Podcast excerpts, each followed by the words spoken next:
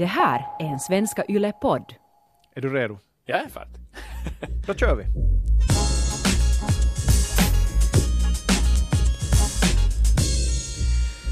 Då gungar vi igång igen. Hjärtligt välkomna ska ni vara till ett nytt avsnitt av Ylesportens podd med mig, Chris Vuojärvi och Mig? Väl, Antti Koivukangas, god morgon. ja, bra att du tog emot min passning och smashade den i mål. Han blir aningen oroad där. Men hej Antti, vad har du haft på hjärtat, eller vad har du på hjärtat den här veckan? Ah, Inte så jättemycket faktiskt. Det, det, det, är liksom, det är höst i luften, det är minus tre grader i morse, så man börjar inse att det börjar vara långkallningsväder småningom. Gick på inhemsk fotboll i helgen och tog fram dunjackan. Mm, jag har också Så tagit fram den. man, man börjar inse då, då man sitter där och frös ju inte överhuvudtaget, så det var ju, det var ju ett bra drag.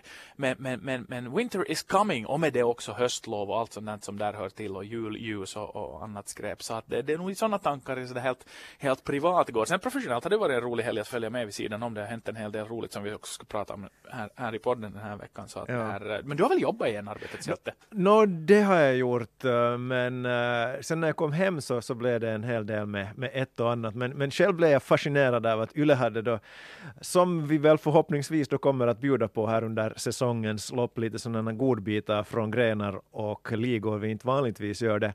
Och nu var det ju en riktig godbit. Kollade du på Liverpool Man City igår? Ja, men Och kollade du på starten? No, ja, men ja, folk är ju ledsna.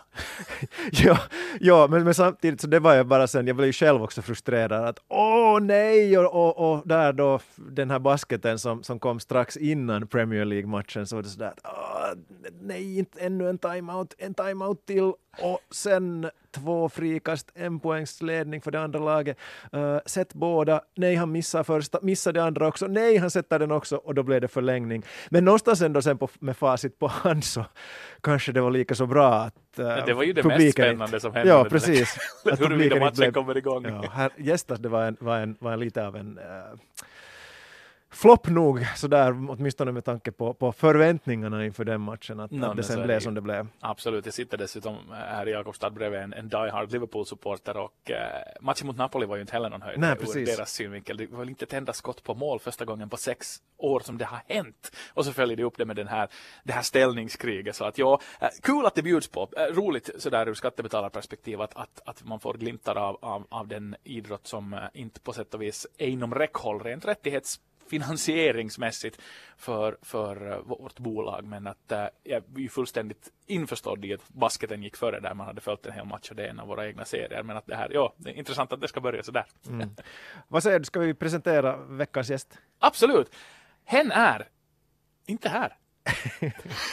ja, det är alltså bara du och jag, det vet du, men det vet nu också våra lyssnare. Uh, ser du det här som en, ett hot eller en möjlighet? Eller ska vi kalla det på ett finlandssvenskt manér för en domänförlust? Jag vet inte. Nu har de skurit ner på Yle. Eh, I sparanda så är vi ju faktiskt och skär ner. Det, det är ju en, en glädjande sak om man sitter någonstans i något no, no konferensrum och funderar på vår finansiering. Men nej, så här idag, det är ingenting konstigt med det. Vi kommer fortsättningsvis att ha gäster, det kommer vi att ha längs med hela podden, men idag faktiskt så kör vi solo. Jag ser det nog som en möjlighet också. Uh, uh, det, det, det, det, kan bli hotfullt med bara dig och mig. Mm. Nå, nu åtminstone kan vi inte längre ta rygg på våra gäster och gömma oss sådär nackisåja som man kallar det visst i, visst i armén. Eller men- gang up med någon och vara som sådär att ja men att jag och hen har ju samma åsikt här att nu har du fel. Det blev lite som med Anders förra veckan faktiskt i, i NHL-snacket där att, att, att, att där, där, där tog man mycket rygg på varandra men idag är det bara, idag är det mano a mano och det ska det också handla om i den första halvleken av Ylesportens podd.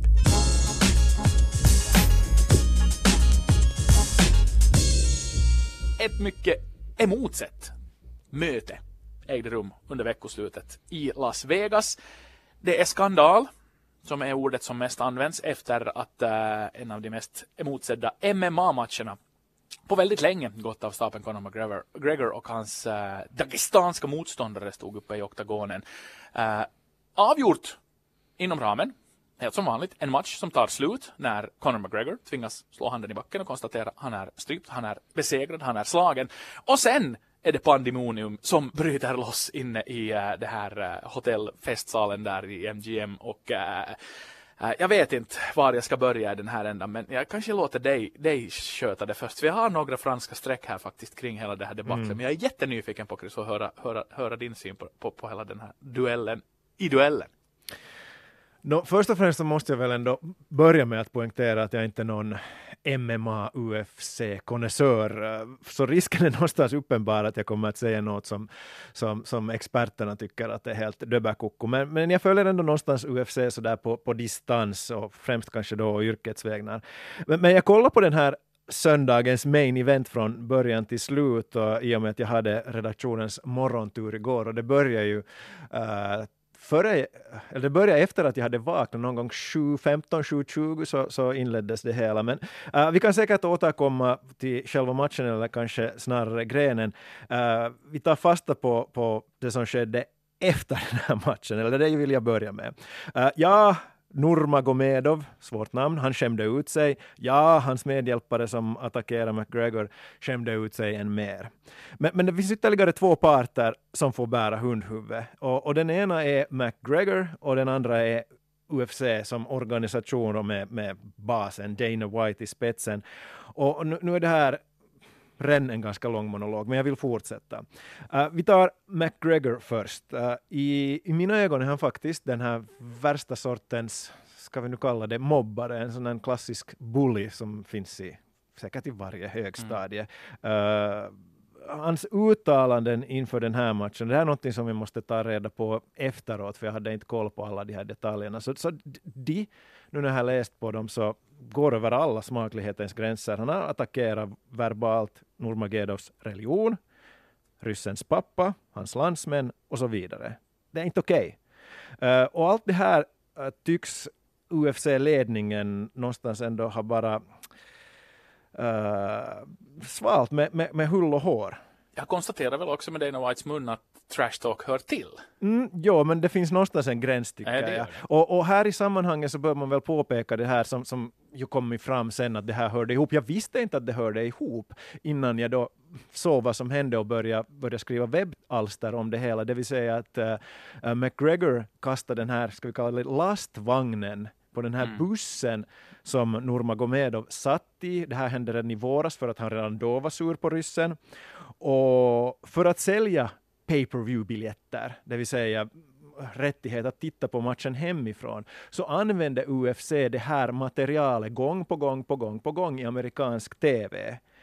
Och UFC gjorde alltså ingenting för att gjuta olja på vågorna. Man gav alltså någonstans, tycker jag, lillfingret åt djävulen, man satt mer bara bensin på elden och resultatet såg vi sedan igår. Nej, jag håller med. Och det är ju, det är, det är ju framförallt den aspekten som är så intressant att det här är ju en, en upphypad fight som man har hypat upp och folk betalar för att se det som de fick se, en show och de fick dessutom bonusmaterial den här gången med tanke på det som hände utanför oktagonen. Det är ju ett spektakel. Eh, även om UFC är väldigt väl regisserat när det görs bra, det vill säga själva fighterna, uppbyggnaden, alla sätt på vilka du presenterar eh, idrottarna och sånt här.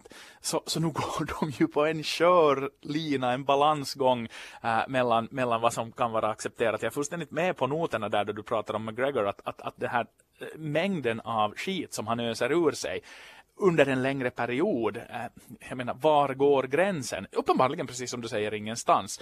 Men, men eh, det är ju, det är ju, det är ju skådespel, det är ju, så nära showbrottning snart som det kan komma. Alltså det som händer i oktagonen kan jag ofta fascineras av, för jag minns när man var mindre, när man var barn och, och såg på typ kampsportsfilmer och det fanns folk som sysslar med olika grenar så var man alltid fascinerad av den här aspekten att, att vad om den bästa av den där världen skulle möta den där, hur skulle det gå i en match mellan dem och dem? Och det är ju liksom det som det handlar om, mixed martial arts. Den, den idrottsliga aspekten är, är, är sund, det är väl övervakat, det är reglerat, det finns domare, det finns läkare, det finns allting, man har koll på det som händer.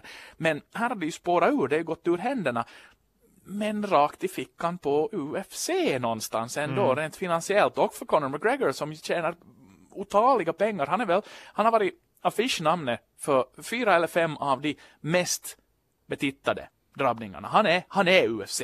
Mm, och, och, nu har han fått en sån här Ivan Drago-antagonist dessutom och man har skapat en, en jätteklyfta mellan de här två världarna. Man har ju svart mot vitt, man har helt yin och yang här. Och eh, Conor McGregor twittrar ju redan att oj, fick lite däng, ser fram emot jo.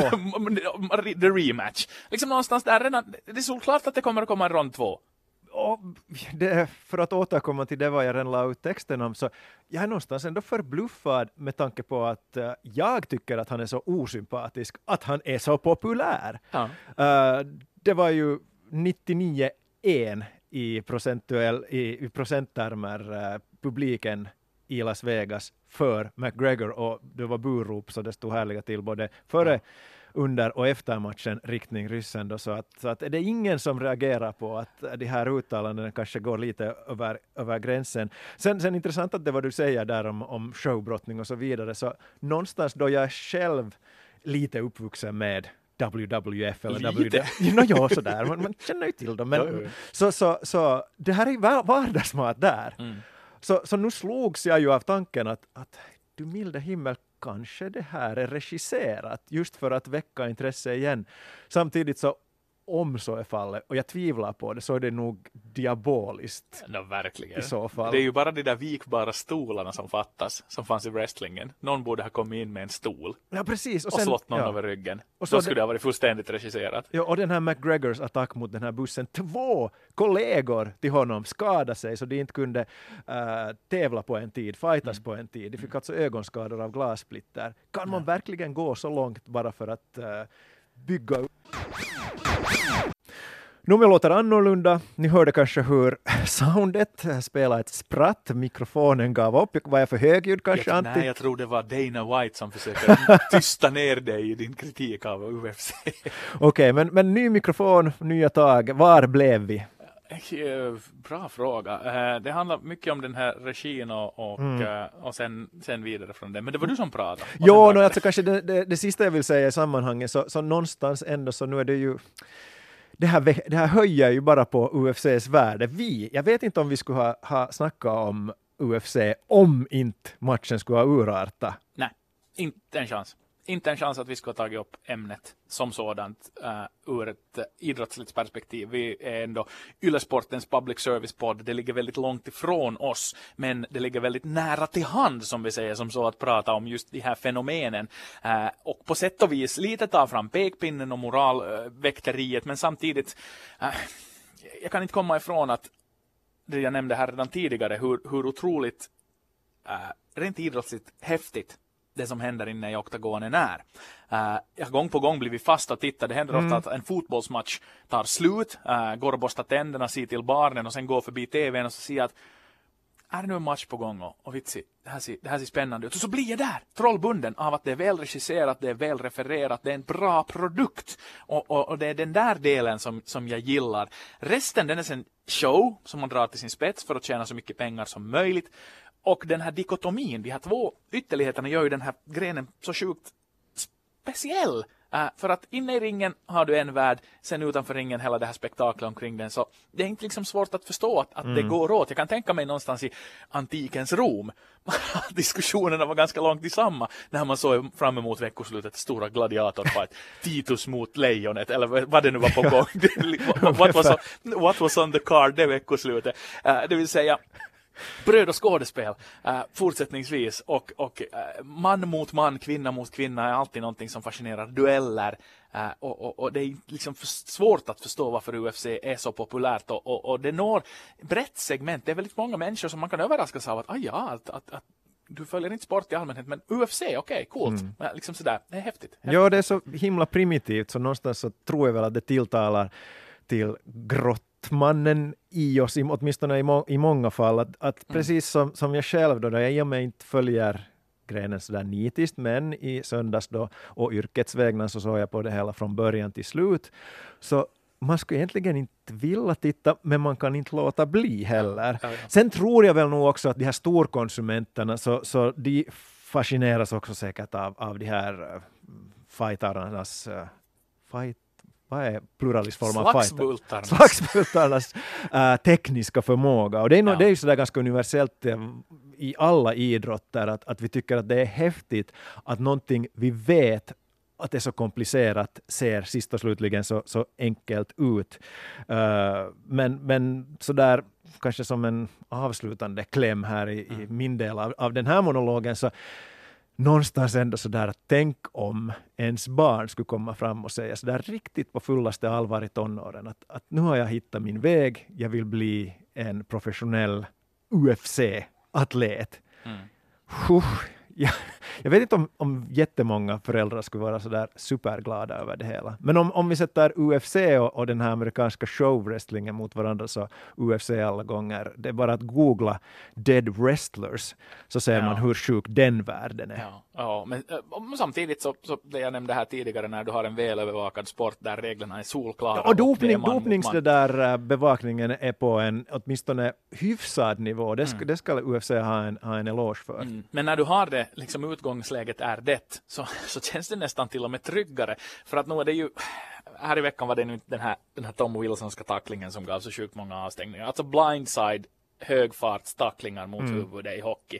Och det är ju frågan om, om inte det är liksom farligare än att veta vad som kommer, veta vad du har framför dig, än att bli sucker punched. Så att, att, att liksom, mm, det, det, jag, jag, glömmer aldrig den här diskussionen som jag förde för många, många år sedan med Oskar Osalas mamma. Just det. Äh, där hon inte hon vågar inte gå Det var också ett samarbete mellan oss. Det blev ett Sportmagasin, ett äh, inslag. Jag intervjuade Oscar som spelade då i Blues, blev utsedd ja. till, till årets rookie, årets nykomling i, i, i ligan den säsongen och du hade intervjuat både Oskars mamma och pappa. Ja, och det roliga var ju det att, att, äh, att hon hade inte vågat gå på matcherna för, för, för, för just rädslan av, av utövandet. Och sen, det kulminerade väl sen i att när hon väl gick på en match så måste, stod ju Oskar där med skammen för han måste slåss i den matchen. Ja. Alltså han hamnade i en situation där han hamnade och slänga handskarna och visste att mamma var på läktaren. Ja. Sjukt bra story. Men hör på sätt och vis inte hit. Men bara för att exemplifiera det att, att, att det finns grenar där skaderisken, där uh, potential career ending injury risken är mycket större än i en renodlad MMA som är välövervakad och, och, och, där man faktiskt liksom, det är inte så där att, att okej okay, nu hade du match i helgen, det är inte så där som i Premier League att man har som 56 Nej, matcher på en säsong. Utan du tar din match, du har en obligatorisk viloperiod, du förbereder dig för följande match under övervakade medicinska förhållanden. Så det kan jag tycka. Fortsättningsvis är ännu ett argument för att den här det som händer inne i oktagonen är toppidrott. Sen är resten show.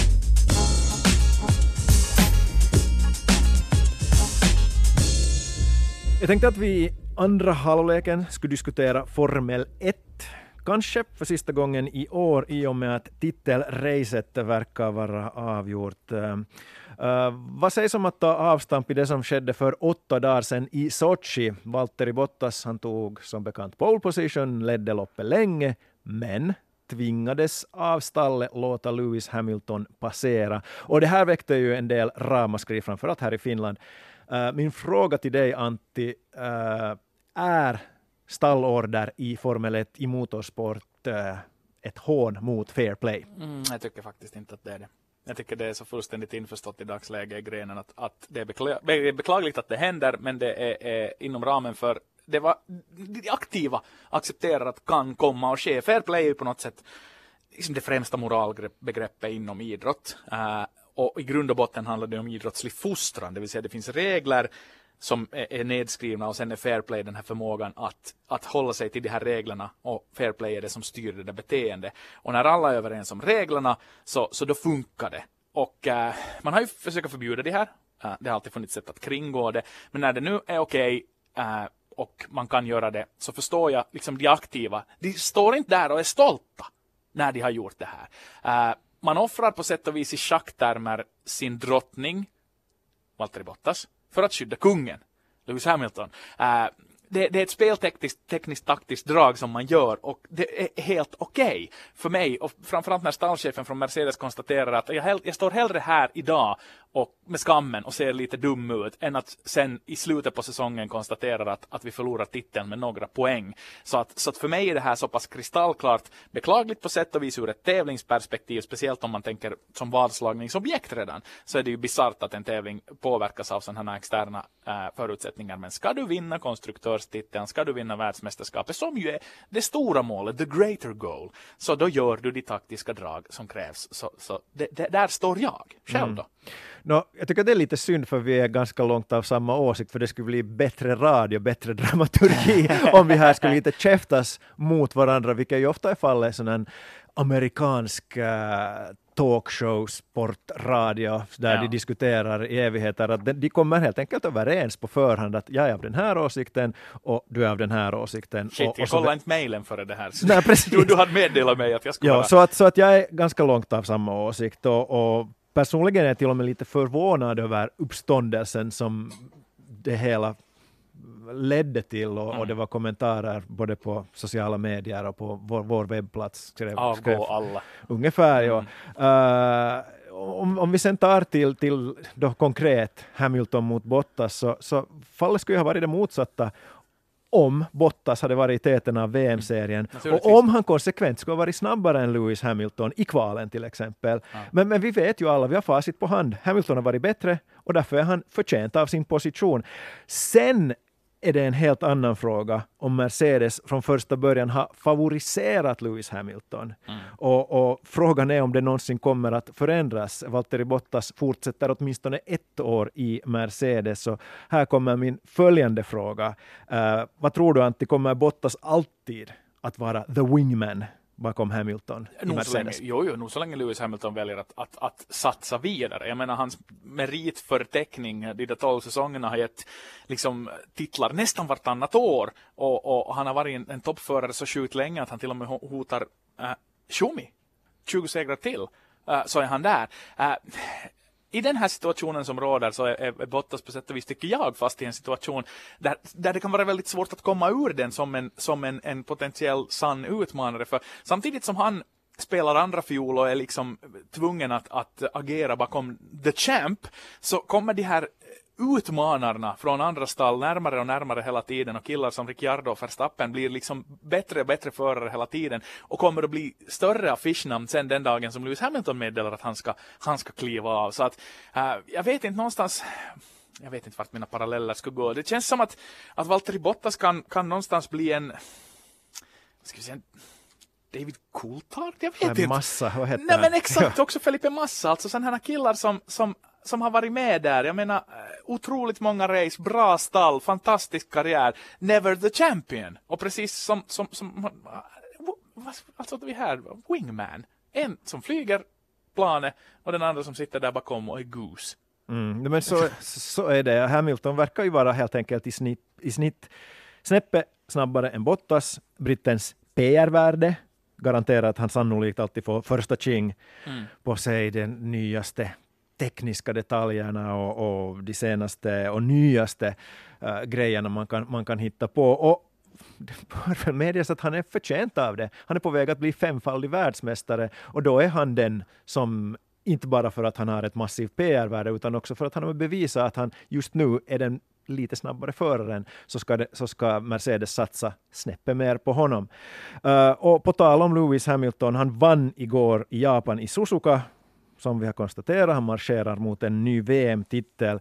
Uh, eh, om vi breddar temat lite och ställer den här frågan. Vad har för dig varit den stora behållningen? Vad har du tyckt att varit mest intressant under den här F1-säsongen? För mig är det nog fullständigt, eh, alltså mitt intresse korrelerar med, med blåvita utövare. Så pass intresserad är jag inte av själva serien att jag skulle bry mig egentligen alls eh, om, om hur det går. Ens professionellt sett så det är jättemycket om inte det skulle finnas det blåvita intresset. Det- Jämför till exempel med roadracingen som jag följde med ett visst intresse, framförallt för att Mika Kallio var med där. Eh, och, och det gjorde att man liksom åtminstone gav det en chans. Nu har vi ändå haft killar på framskjutna positioner som alltid är där och slåss, eh, som har gjort mig intresserad och, och, och det som på sätt och vis någonstans är beklämmande uh, för mig att nu, nu, nu känner jag till liksom de här U17, U19 och U21-lagen hos alla stall, hur många finska förare vi har på kommande där. Vi borde ju ha det. Det har ju funnits en bra inmatning där. Eh, uh, men, men det här, uh, någonstans hela tiden när jag, när jag också ser Räikkönen köra så känner jag som sådär att, att oj, Ratis pratig att det kommer ju att komma en dag då han inte är med heller. Och inte vi har finländare i två av de absoluta toppstallen. Och, och det, det är nog, liksom för mig är det blott att F1 är, man stryker den där ettan och ändrar det till ett i. Så det är liksom, det är FI. Det är finskt intresse som för mig till Formel 1. Jag vet inte hur du, hur du känner. Mm, lite samma sak nog, att, att motorsport, hör, motorsport överlag hör inte till mina största intressesfärer. Mm, men eh, äh, vad beträffar det där finländarna så är jag oroad över att, att det här är ett det här senaste, vad vi har upplevt egentligen sen No, Mika Häkkinen, Mika Salo-tiden kanske, då vi alltid har haft någon finländare mm. i ett toppstall. Det har varit Räikkönen, det har varit Kovalainen och nu har vi Bottas. Gledde Heikki Kovalainen hade jag till och med glömt bort. Ja, en F1-vinnare han också. Verkligen. Uh, och före det förstås också Keke Rosberg. Så att, så att det blir svårare och svårare, tror jag, att nå toppen. Kampen är brutal. Uh, det krävs pengar för att nå så långt och att uh, de här Kimi Räikkönen-historierna då en familj satsar allt för att uh, nå, för att mm. en son ska komma hela vägen till, till motorsportens finrum, så de blir allt svårare att, att uppnå för att det krävs än större satsningar för varje år som går, tror jag, för att det redan från mikrobilsnivå så är de allt mer sofistikerade, de här bilarna, och det krävs det ena och det andra. Uh, men för att svara på min egen fråga efter, efter den här lilla inlägget i debatten, så, så jag har varit jättefascinerad av hur mycket Ferrari som stall har klåpat. Mm. Uh, det har varit så många, så nästan, så, uh, många ofattbara felbeslut som stallet gjort och, och det känns som att det har lett till att Mercedes redan nu har gjort det här avgörande rycket i både förar-VM via Hamilton och också i det här konstruktörs-VM-sammandraget. För jag har någonstans levt i en illusion om att det är sylvassa hjärnor som fattar noga genomtänkta kalkylerade beslut hela tiden och att slumpen inte spelar någon som helst roll under ett GP-veckoslut.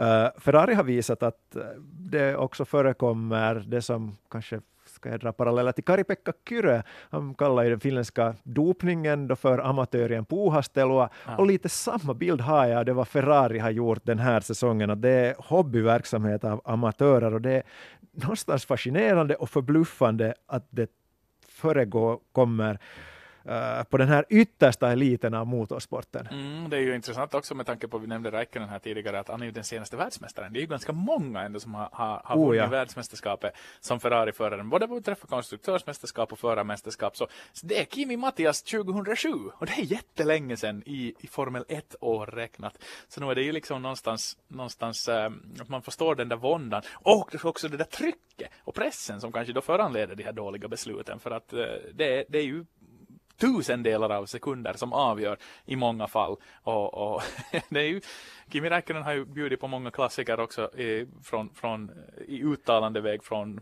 på Team Radio här nu senast också då han Avslu avsluta sin lilla tirad på finska, uh, icke publicerbara varken i poddsammanhang eller andra sammanhang, men med, med finska det, så, ord. Det som avslutades med mitä säätöä. Ja, exakt. Ja, ja. Så det här, just det där läget att inte liksom vet, ska han ut, ska han in, ska han ut, ska han in, och så sitter han där och så lägger han upp händerna bara på högt italienskt manér. Så att nej, det är nog fascinerande. Men Räikkönens rubriker i, i veckoslutet var ju lite fascinerande här före helgen med hans, med hans litterära alster. Han är ju en, den bästsäljare idrottsboken i Finland, eller Kari Hotakainens bok om honom, den okände Räikkönen. Men, men hur reagerar du på den här haiku-nyheten? Nå, som att uh, någon har fått en bra idé som man kan A. höja på Kimi Räikkönens marknadsvärde, inte något fel på det. Och också kanske göra lite stålar och kanske lite sådär tyckte att äh, skulle inte ha räckt med den här boken den här gången. Ja, och det, var ju, det visade väl sig sen sist och slutligen att jag själv skrev den där första nyheten om det här ämnet och, och, och först var hans äh, agent, någon form av människa som sköter sådana här ärenden konstaterar att det är nog Kimi Räikkönen som har skrivit allt det här själv och det reviderades väl sist och slutligen till att, nå, att han har ju sagt de här sakerna i något sammanhang på ett sätt ungefär och sen har någon copywriter då uppenbarligen packat ihop dem till en, en snygg produkt som man har delat ut bland sponsorerna. Så att, så att li, lite sådär, jag kan väl lägga händerna upp på media att jag gick i en sån här medial fälla och hausade upp de här hans haikuer. Men det fick mig att fundera i haikuer. Det fick mig själv att skriva haikuer. Det fick mig till och med att på Svenska Yles webbsida svara på en lyssnar, tittar, läsarkommentar med haiku-format. Så det för mig hade ju spårat ut fullständigt. Därför har jag också skrivit en, en, en haiku för Kimi Räikkönen som jag eventuellt Shoot. tänkte jag skulle avsluta den här delen av, av Yle-sportens podd med. Uh, lite en tribut, uh, en hyllning, uh, kärleksfull sådan, till en, till en stor mästare. Här ska jag kanske klippa in uh, något sånt här japanskt fint plinkiplonkande i bakgrunden och köra så här. Fem år sedan han vann. Trots det en mästare av rang. lämnar stort tomrum.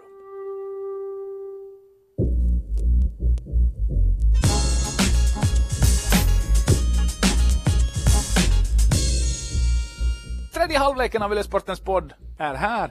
Vi närmar oss slutet men inte riktigt, riktigt, riktigt, riktigt där ännu. Vi ska ha två frågor. Det brukar heta tre frågor. Borde vi köra tre frågor ändå, Chriso? Att någon får dra en bonare. Om du har en bra fråga på lut jag så är har det... inte. Eller ja, nej, jag har det. Vi kan börja, vi kan börja med en gåta. Vi börjar med en gåta så blir det tre Okej. frågor. Okej, here goes. Den är på engelska. What sport has four letters, is played all around the world and begins with a T?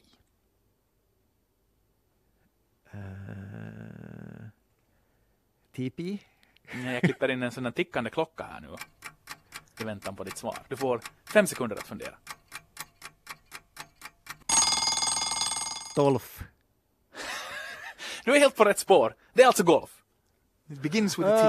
Ah. Ah, dåligt. Men det där var den första dåliga frågan. Låt medge så här nu direkt. Men för att få symmetri, för att få en helhet. Tre frågor. Eh, du får ta den andra shoot. Jag funderar här de, de facto då vi är bara du och jag här idag och ingen gäst, så, så om uh, bordet och allt är möjligt, vem skulle vara din drömgäst i, i vår podd? Om uh, vi bortser då språkliga dimensioner och, och andra realiteter. Mm, jag skulle, idag skulle jag nog, eh, jag tänkte faktiskt sådär krasst på, på bara liksom det att vi är två idag för att vi har, vi har en lång kö av gäster utanför studion som bara väntar på att få komma in hit och prata med oss. Men just idag så skulle jag nog, ja, jag skulle jättegärna ha haft José Mourinho som gäst. Bara på grund av den personlighet han är, det veckoslut han hade och, och, och den diskussion som har pågått som fotbollsmänniska. Klart, nu skulle vi ju kunna ha Connor och, och Nurmagomedov här också och diskutera med dem att vänta, what went down? Men nej, José Mourinho för mig. Själv då? Mm. Bra, jag funderar först så där lite i, snarlika banor att, att någon intressant eh, idrottare eller idrottspersonlighet som skulle ge otroligt stor genomslag.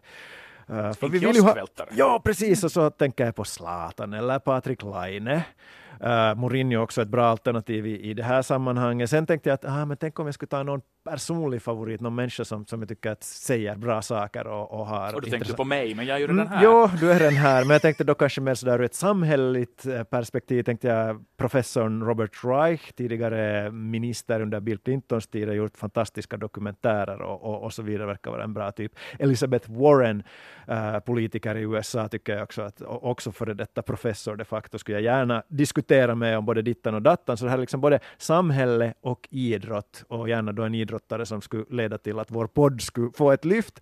Och då blev det bara ett alternativ kvar. Colin Kaepernick, den här quarterbacken i, i USA som, som eh, är arbetslös nu för att han... Borde ju ha tid att komma. Ja, precis. Han, han valde att, att sitta ner först och sen, sen knä, stod han på knä under eh, USAs nationalhymn och, och, och nu är han inne i en rättsprocess mot NFL i och med att han anser att, att eh, ägarna har, har sett till att han är arbetslös. Men det går bra för honom i alla fall. Han tecknar ett väldigt lukrativt kontrakt med eh, Nike.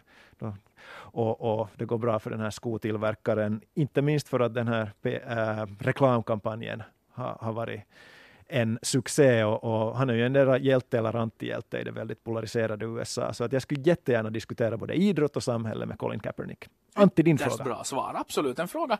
eh, vi tangerade redan, det vill säga det faktum att ett toppmöte i Premier League sändes på Yles kanaler under veckoslutet. Och när man tittar på tabellen nu eh, idag, så där en bit in i säsongen ändå, så är det City 20, Chelsea 20, Liverpool 20, Arsenal 18, Tottenham 18. Eh, är det här någonting som förebådar alla tiders titelrace i Premier League eller går någon loss? Det är min fråga. Någon går loss. Manchester City kommer att rycka förr eller senare, det tror jag.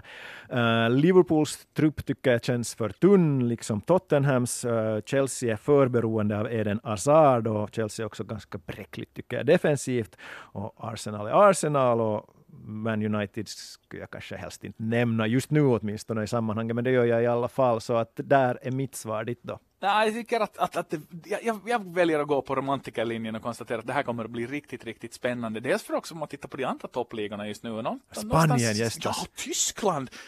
Jo, Pankes måste ju ha blivit uppringd redan någonstans i trädgården med tanke på, på att de tar 0-3 däng på hemmaplan mot Mönchengladbach.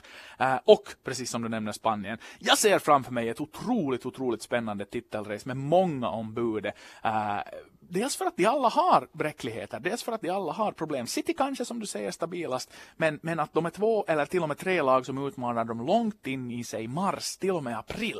Det skulle jag verkligen se fram emot. Men nu har jag då den där bonusfrågan. Du men vem var min fick, gåta då? No, men, då? Precis, men om du får kläcka ur dig en, en bonusgrej så får jag väl också. Den här veckan uh, fyra frågor i den vanliga precis. delen, tre uh, frågor det mest dramatiska titelracet då i Premier Leagues historia, vad skulle du säga? Och om du vill få betänketid så kan jag väl säga mitt svar i så fall först. Nej! Uh, Okej, okay, men om du har ett svar så säg men det. Men har vi samma då? Det är möjligt. Alltså Agueros mål? Okej, okay, det är nummer två på min lista. Oho! Shoot. Ja, jag tycker att Newcastles kollaps våren 1996 var så episk. Det vill säga Newcastle ledde ju serien med 12 poäng till godo och, och vadslagningsbyråerna betalade ut pengar för att Newcastle kommer att vinna titeln. Men Man United uh, passerade och Newcastle lost it all med Kevin Keegan som, som chefstränare då. Det, det, det, tycker jag bara att var någonstans så episkt. Men absolut det här Man Citys titel 2012 då Sergio Aguero avgjorde i sista matchen på tilläggstidens tilläggstid. Ja, bra titelrace båda två, men hade du alltså skrivit in en reservfråga? Eftersom du har listat saker? Mm, ja, jag hade alltså funderat på det här att, att ska jag nämna det redan i svaret, men så tänkte jag att men det här kan ju bli en bonusfråga istället. Okej, okay, men bra. Delen tre frågor med fyra frågor och som vanligt podden med två deltagare istället för tre. Den asymmetriska 28 delen av Yllesportens podd med Antti Koivukangas och Chris Vi sätter punkt här, eller då förstås ett kommatecken eftersom vi fortsätter att vara Men du är inte med nästa vecka. vecka. Berätta varför. Nästa vecka äh, är det det som så vackert stavas höstlov mm. i Österbotten. Så jag tror antingen att jag är uppe i Karleby på någon inomhuslekpark eller i Vasa på en inomhus ett sånt här tropiskt simparadis. Men jag kan skicka ett sms åt dig före så vet du att säga sen Precis. i din podd nästa ja, vecka. Ja, ja, jag kommer att uh, ha Ken Sirenius igen som gäst och också vår vän och kollega Christian Kikko Karlsson och vi kommer att diskutera finländsk handboll. Det finns en hel del att uh, tugga på där. Så att något att eventuellt se fram emot det. Hoppas det är många handbollsvänner där som, som lyssnar på oss. Så att massor med handboll nästa vecka i podden. Mm. iTunes, Spotify och arenan som vanligt. Vi hörs igen.